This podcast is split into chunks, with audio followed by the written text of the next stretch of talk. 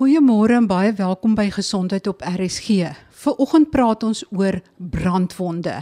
En nie net wat met die vel gebeur nie, maar ook as jy rook inasem en ook gaan ons kyk na wat gebeur as 'n weerligstraal jou tref. Watse tipe brandwonde doen jy dan op? My gas vandag is Dr. Wayne Kleintjies. Hy is senior lektor van die departement chirurgie aan die Universiteit van Stellenbosch Mediese Skool en ook hoof van die brandwondeenheid by die Tygerberg Hospitaal. Dr. Kleintjies, ons het nou deur die saal gestap en daar is heelwat pasiënte en soos jy ook uitgewys het, daar is 10 pasiënte wat wag en julle het nie genoeg beddens om almal te hanteer nie. Hoe besluit julle wie kom in en wie word ontslaan. Dit is darem 'n baie moeilike besluit wat op dokter se skouers geplaas word. Goeiemôre. Ja, baie dankie. Gewoonlik kyk ons na wat ons kan doen binne ons uh, vermoëns en soms moet ons pasiënte wat uh, baie groot kans het om dood te gaan, laat doodgaan. Ons noem dit palliasie. En ons gebruik sekere kriteria want ons moet uh, besluit neem in die beste belang van die pasiënt. So daar's 'n groot etiese verantwoordelikheid dat ons die korrekte besluit maak en ons doen dit gewoonlik as 'n multidissiplinêre span en almal moet saamstem dat dit wel die beste besluit is vir die pasiënt. Daar's ook 'n provinsiale vorm met riglyne op. So daar's om drie aksies wat ons gewoonlik dan nie sal doen nie. Ons sal nie eh, resusciteer nie met uh, eh, CPR of kardiopulmonale resuscitasie en dan sal ons ook nie adrenalien gebruik nie of uh, ook nie ventileer nie. Maar dit dit moet aan die familie verduidelik word hoekom dit in die beste belang is van die pasiënt en ehm um, almal wat betrokke is se name word neergeskryf en dit moet ook dan ondersteun word deur die mees senior uh, dokter in die eenheid. Ja, so 'n 'n proses. Dit is nie 'n maklike besluit nie en uh ja, en uh, soms is dit baie moeilik maar as almal nie saamstem en dan kan ons nie regtig daai besluit maak nie. Dan wag ons gewoonlik en kyk wat gebeur met die pasiënt. As die pasiënt nog erger raak gewoonlik is dit dan 'n teken om almal te laat saamstem dat dit wel die beste besluit is. Gou as die pasiënt beter raak is dit fantasties ja elke dag word so besluit herëvalueer om seker te maak dat dit nog die korrekte besluit is. En daar is pasiënte omtrent 120 uit wat beter word. En in daai gevalle dan jy weet gaan ons voluit en ons keer ons besluit om hierso in die saal lê daar nou pasiënte wat 50% brandwonde het, 60% brandwonde, 70% en selfs meer. Maar hoe werk dit? Hoe tel mens watter persentasie brandwonde het iemand en wat beteken eerste, tweede en derde graadse brandwonde? Gewoonlik tel ons net die brandwonde wat die pasiënt vog gaan verloor wat hulle onstabiel gaan maak, hemodinamies onstabiel of wat hulle basies in 'n hipovolemiese skok sal sit. So dit is brandwonde wat dieper is as jou op mees oppervlakkige brandwond. So jou mees oppervlakkige brandwond, jou eerste graad is soos 'n sonbrand. Net 'n bietjie rooi en kleurverandering, maar jou boonste laag, jou epidermis is nog intakt. So daar's geen vogverlies nie, maar sodra die epidermis beskadig word en daar vogverlies gaan wees, So dis gewoonlik jou tweede graadse brandwonde in die ou dae. Deesdae praat ons nou nie, nie eintlik meer van die grade nie. Ons gebruik net die beskrywende terme. So ons sal praat van gedeeltelike dieptewonde uh, in plaas van tweede graads. En dit subklassifiseer ons as oppervlakkig, middel of middelmatig en dan dieper.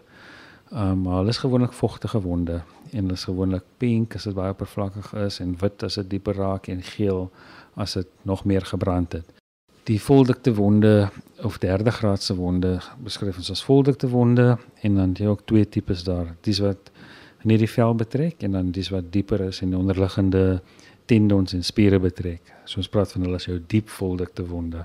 Ons sal dan net tel jou gedeeltelike diepte saam met jou voldiktes want jy verloor vog daarso vir jou totale liggaamsoppervlakte brandwond. En dan moet ons besluit in terme van persentasies gebruik ons gewoonlik 'n hand as 1% met sy vingers. So 'n volle hand met vingers van die pasiënt word as 1% getel en dan kan jy die res van die brandwonde tel en uitwerk hoeveel persentasie is min of meer aangetast. Hoekom is dit so belangrik dat jy aandag gee aan die brandwonde wat medium en dieper is waar daar vog verlore gaan? Hoe belangrik is daai vogverlies vir die liggaam? As dit um, in kinders meer as 10% is, dan beskou ons dit as gevaarlik. Hulle kan in skok gaan. So daai kinders het um, lyne nodig, intraveneuse lyne en vog om hulle te help. En volwassenes meer as 15%. Ja, so dit sê vir ons of die pasiënt vogresusitasie gaan nodig het of nie, wat baie belangrik is. En dan ja, sal ons hulle so hanteer. So dis wat kleiner as daai persentasie het, het nie intraveneuse lyne nodig nie. Gewoonlik in daai gevalle moet ons net besluit het hulle wel ondersteuning nodig in die hospitaal soos byvoorbeeld met voeding, met gewrigte of as dit moeilike areas is soos die gesig of die hande of perineum waar die hoeveelheid woonsorg of rehabilitasie um, intens is of meer is, dan sal ons so 'n pasiënt dan eerder opneem. En as dit 'n relatief eenvoudiger kleiner wond is sonder die nodigheid van rehabilitasie, dan kan dit um, as 'n buitepasiënt hanteer word.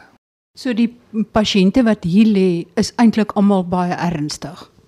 Ja, ons uh, het die provinsiale ons noem dit tersiêre eenheid vir brandwonde en ons uh, doen net die volwassenes, so al die ergste gebrande volwasse brandwonde kom na hierdie eenheid toe. Die minder erger brandwonde word deur 'n vlak 2 hospitaal hanteer, so groot skuur in Somerset of Parel of George en dan dis wat nog minder ernstig is deur die vlak 1 hospitale. As 'n pasiënt nou inkom met baie ernstige brandwonde en dit begin te raak aan die dieper laag, dis miskien nog 'n deel en dan gaan dit dieper as die by die dermis en dieper. Wat is dan die stappe wat jy doen? Moet jy daai gebrande vel verwyder? Draai jy die pasiënt toe in plastiek sodat hy nie verder vog verloor of infeksie kan kry nie? Wat is daai stappe wat jy doen? So die gedeeltelike diepte wonde as dit diep is, so die geelwonde of jou voldikte wonde, die behandeling is gewoonlik om hulle uit te sny en veloorplantings te doen. So daai is die standaard behandeling vir daai diepte wonde. Hulle benodig chirurgie, eksisies en veloorplantings.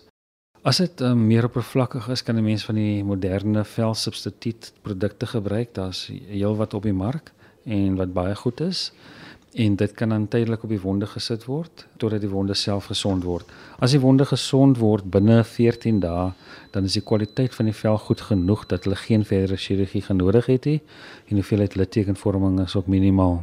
As dit langer vat, dan gewoonlik gaan daar 'n hoër kans wees vir littekenprobleme en gewoonlik as dit groter as 2 cm deursnit is, is die beste besluit om dan 'n veloorplanting eerder te doen vir daai klein areas wat sukkel of om gesond te raak.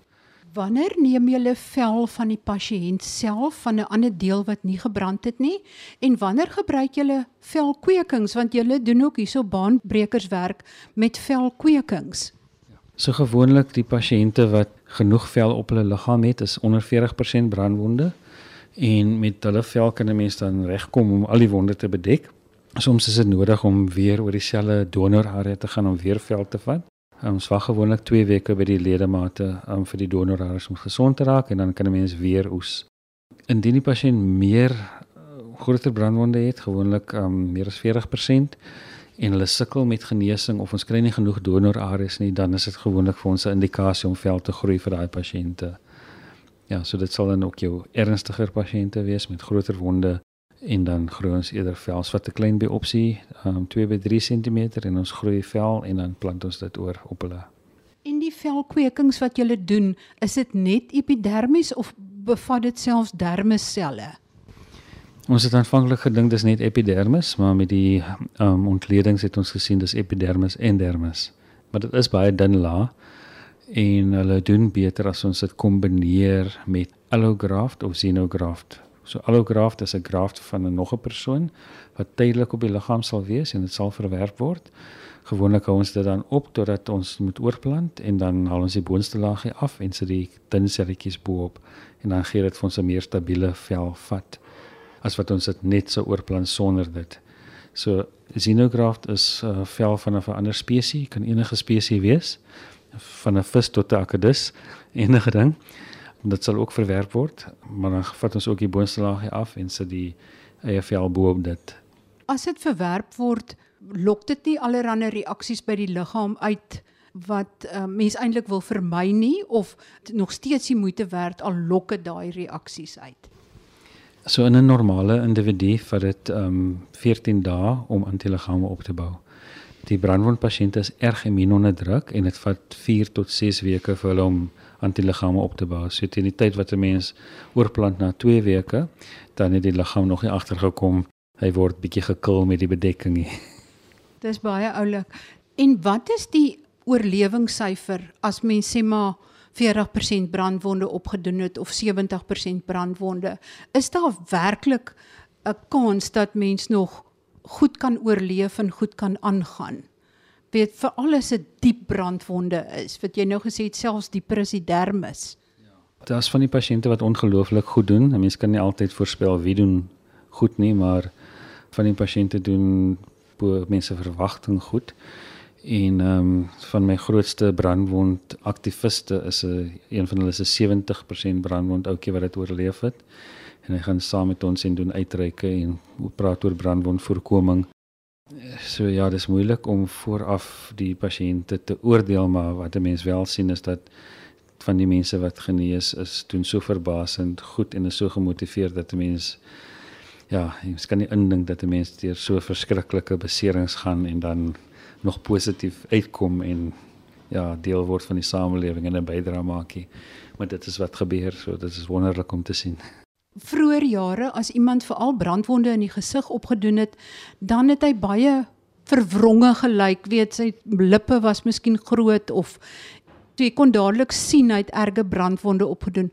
Kan jy deesdae 'n beter kosmetiese uitslag kry? Eh, ek dink met al die wonde as dit korrek hanteer word van die begin af, dan is die kans om 'n beter uitslag te kry die beste. Maar dan is daar ook die realiteit as dit baie erge brandwonde van die begin af is, dan is die kans om 'n goeie resultaat te kry ook baie swakker. So mens kan redelik erge deformiteit kry weens die jy weet hitte skade. So dit hang af van hoe intens die skade is in die begin. As dit baie erg is, dan gaan 'n mens erge rekonstruksies nodig hê om die pasiënt weer min of meer goed te laat lyk, maar dit is uh gewoonlik erg traumatiserend vir die pasiënt en hulle familie as daar erge verminking van die gesig is. Hoe pynlik is brandwonde en hoekom is dit so pynlik? Want dit lyk vir my of dit welisware baie pynlike besering is. Dit is verskriklik pynlik en die rede is of van die gespekuleerde redes is dat daar meer van die neurotransmitters by die senuwee-eindinge is wat langer daar bly en swakker opgeneem word, so substans P. Dit stimuleer mastselle in die liggaam om histamien vry te stel en die histamien saam met die prostaglandine en die leukotriene en die bradykiniene van die besering maak dat die senuwee-eindinge meer sensitief is. So ongelukkig benodig die pasiënte hoër hoeveelhede pynmedikasie. En gelukkig het ons baie pynmedikasie, so ons moet maar net gee. Wat is die grootste oorsaak van die brandwonde? Waar kry die mense die beserings? En is dit baie keer iets wat hulle aan hulle self doen of is dit baie skaars? Ongelukkig sien ons pasiënte wat selfmoordpogings aanwend wat hulle self brand. Gelukkig is dit nie so algemeen nie, maar ons sien weet elke nou en dan 'n pasiënt wat dit het. Die meeste van ons beserings is weens fisiese aktiwiteite jy weet uh, jong manne uh, wat meer aktief is by die werk. Maar ons sien tot 2/3 van ons gevalle wat ook weens uh, interpersoonlike geweld kan wees. Ongelukkig in die gemeenskap is dit 'n probleem. Gooi julle dan mekaar met miskien kookwater op die een of brandende olie of enige so iets? Ja, nee, ons kry dikwels mense wat met petrol gegooi word en in die brand gesteek word of um, warm water gegooi word, kokende water terwyl hulle slaap of ja, sulke tipe aktiwiteite gaan aan in ons gemeenskappe. Sjoe. En dan dink 'n mens altyd aan 'n brand en jy dink aan iets wat brand soos jou vel. Maar daar is ook die kans dat jy van die rook kan inasem en eintlik longprobleme kan ontwikkel. Kan jy net so vinnig vertel wat gebeur? Wat maak die rook in die longe? Ja, so die rook kan op twee maniere is mos nou warm lug, so die die hitte van die lug kan die lug weer irriteer en inflammasie veroorsaak. Daai inflammasie kan uh, maak dat die lug weer toeswel. Van um, inflammasie bring meer bloed in die area, meer selle in die area so dit veroorsaak lokale swelling. So dit kan maak dat die lugweg toeswel en as die lugweg toe gaan dan gaan 'n mens dood en jy kan nie asem kry nie. Uh, maar dit kan ook in die long um skade aan die selle veroorsaak en dit veroorsaak inflammasie binne in die hele long wat maak dat die bloedvate gaan oop, water lek uit, um selletjies lek uit in die long, so die long word natter en swaarder en hy kan nie meer so lekker saamtrek en in en uit beweeg en die suurstofuitreiling is swakker, so die pasiënt kan um hipoksies word en respiratoriese nood ontwikkel. Ja, mettertyd. Dit vat gewoonlik 'n paar dae vir die longeskade om so erg te word. Is die kans op oorlewing swakker as daar sulke longskade is? Ja, dit is 'n swak prognostiese teken. As dit baie erg is, is die oorlewing syfer 60% en 40% gaan dood rofweg. So ja, ons ons gebruik dit as een van ons faktore om te oorweeg as ons besluit op 'n pasiënt se kans op oorlewing. As iemand breinskade opdoen as gevolg van 'n brand, is dit dan oor die longskade of kan dit kan dit so warm wees dat jou brein eintlik gaar word? Van die toksiese gasse wat hulle inasem soos koolstofmonoksied kan onderdrukking van die brein veroorsaak en dood en dan ook arseen van die materiale bevat ongelukkig gif en sianiet, so jy kry sianietvergiftiging wat ook die brein kan onderdruk en lei tot dood.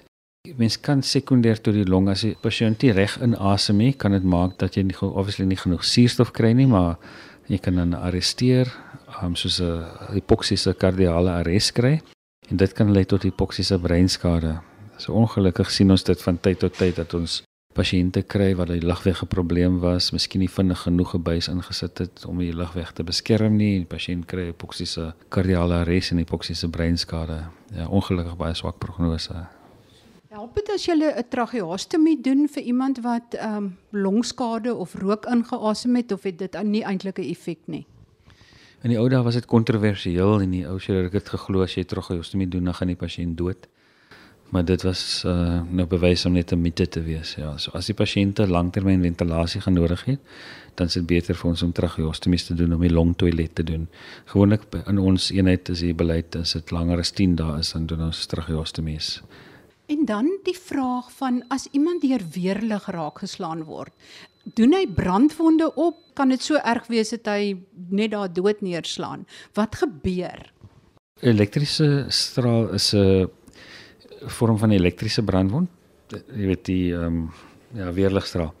En dit is beskou word as baie hoë volt, so meer as 10000 volt. So dit kan lei tot onmiddellike dood as 'n stoel van die hart en onmiddellike dood en dit kan sekondêre brandwonde ook veroorsaak soos die klere kan vlam vat en dan kry vlambrandwonde en daai rook kan sekondêre longinasemming veroorsaak. So jy kan sekondêre longskade kry. Soos met ander elektriese brandwonde val die hoë voltage elektriese brandwonde soos hierdie kragbedradings as jy ons in daai goed vat ja so jy kan kry hulle noem dit sparks basies vonke wat ook kan jy weet of 'n aak of 'n straaltjie van die ding wat jou klere kan tref wat ook sekondêre vlambrandwonde kan veroorsaak. Ehm um, en behalwe dit kan die liggaam ook gegooi word of neergegooi word so mense moet kyk vir assosieerde beserings soos frakture en ehm um, sagte weselbeserings en kneusings en so aan. Waar in die liggaam sê maar jy word nou deur weerlig geslaan of jy vat aan 'n hoë uh, voltkabel. Is dit waar dit ingaan en uitgaan waar dit brandwonde kan wees of net waar dit uitgaan of waar sal mens kyk daarvoor? Ja, so dit kan ingaan en uitgaan, maar waar die stroom beweeg het van waar dit in of uit gegaan het, oral in daai pad kan daar skade wees. So jy kan 'n ingangswond op 'n hand hê, maar dan kan jy sit met 'n dooie hulle tussen 'n dorsie spier op die rug en dan 'n wond op die toon.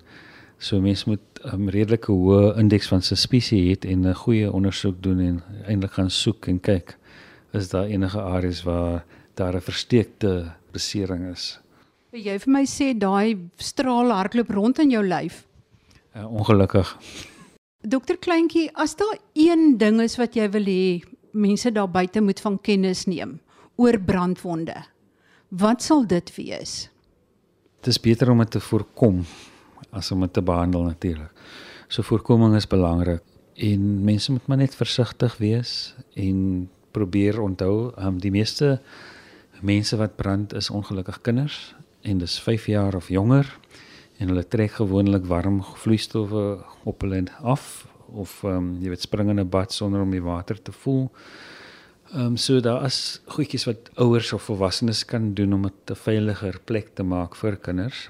Supervisie van kinders is belangrik. Seker maak hulle leer om die koue water eers in te loop en nie die warm water eers nie. Vinger in die water te druk om te voel die temperatuur voordat hulle inspring is belangrik. Ketels en bedradings weg te hou van kinders wat hulle nie goed kan gryp nie en jy weet die kinders se bewegings is vinnig. Dikwels sê ouers, jy weet, dit was net binne 'n oogwink. So 'n mens moet maar altyd vir hulle beskou as verdagte gevaarlike goedjies wat binne sekonde ding kan gryp. So mens moet versigtig wees en goed van hulle weghou wat potensieel gevaarlik is. Terwyl van die volwassenes, ek dink die sosio-ekonomiese omstandighede tot 'n groot mate het ook 'n rol op ons geweld wat ons sien en die skade onder mense soos met COVID met die verbod op mensebewegings en alkohol het ons 'n afname gesien in die tipe geweld en trauma. So dit wys dat jy weet as 'n mens kyk na die gemeenskap as 'n geheel en kyk na hoe mens mense kan so omstandighede kan verbeter dan sal die insidensie van brandwonde oor die algemeen afneem en dit is wat ons sien in die eerste wêreld lande dat hulle het minder ernstiger brandwonde as wat ons sien in ons uh, derde wêreld areas. In Suid-Afrika het ons nou eerste wêreld areas en tweede wêreld areas en derde wêreld areas. Baie dankie aan my gas, Dr. Wayne Kleintjies, hoof van die brandwonde eenheid by Tygerberg Hospitaal en verbonde aan die departement chirurgie by die Universiteit van Stellenbosch en die Tygerberg Hospitaal. Ons het in hierdie gesprek gefokus op ernstige brandwonde. Maar as jy by die huis is en jy of jou kind of iemand brand, die eerste ding wat jy moet doen is om daai brandwond weer af te koel en wel in koue water of dit nou 'n lopende kraan is of 'n bakkie koue water waarin jy die ledemaat sit of enige deel van jou liggaam wat gebrand het, koel dit net af want voordat dit afgekoel is, gaan die brandproses in die selle van die vel voort. Tot volgende week dan, wanneer ons weer oor gesondheidsake gesels en dan fokus ons op die derde soort bloedkanker en dit is limfoom. Baie groete van my, Marie Hudson.